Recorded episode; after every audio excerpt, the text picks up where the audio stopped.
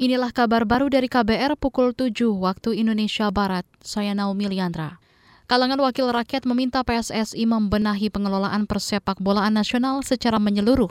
Ketua Komisi Olahraga DPR Syaiful Huda mengatakan pembenahan itu meliputi pembinaan atlet hingga perbaikan manajemen dan organisasi sepak bola tanah air. Ia meminta para pemain tidak patah arang usai gagal berlaga di Piala Dunia U20. Saya memberikan uh, support moral penuh bagi teman-teman timnas yang sudah hampir dua tahun ini menyiapkan diri. Kecewa sebenarnya karena ini sebenarnya momentum kita bisa melompat. Timnas kita bisa bertemu, mengambil pengalaman, bertemu di lapangan dengan timnas dari negara-negara lain karena ini Piala Dunia U20. Itu pengalaman yang mungkin baru akan ketemu 50 tahun yang akan datang kalau suasananya begini. Itu tadi Ketua Komisi Olahraga DPR, Syaiful Huda.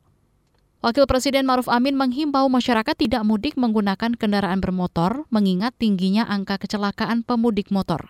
Berdasarkan data Mabes Polri, 78 persen kecelakaan saat mudik melibatkan pengendara motor kita himbau supaya dia uh, betul-betul menjaga diri dan mempersiapkan diri kalau mudik pakai motor ya. Sebab itu itu berbahaya ya. Kalau bisa memang pemerintah meminta jangan pakai motor. Karena itu ada pergerakan untuk mudik gratis itu. Saya kira itu ya. Mudah-mudahan tahun ini kalau tidak ada bagus atau atau ya uh, jumlahnya tidak banyak Wakil Presiden Maruf Amin mengatakan pemerintah sudah menyediakan program mudik gratis untuk menekan jumlah pemudik motor.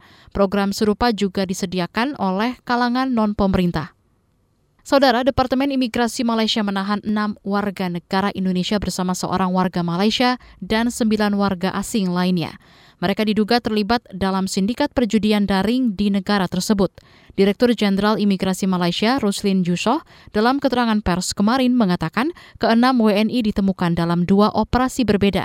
Mereka diketahui tidak memiliki dokumen izin kerja yang sah dan dalam operasi tersebut ikut diamankan 46 komputer, paspor dan uang tunai 114,50 ringgit atau sekitar 389,08 juta rupiah yang dapat dipercaya merupakan hasil dari aktivitas perjudian. Ruslin mengatakan mereka semua pendatang asing tanpa izin atau pati karena tidak memiliki dokumen. Demikian kabar baru saya Naomi Liandra.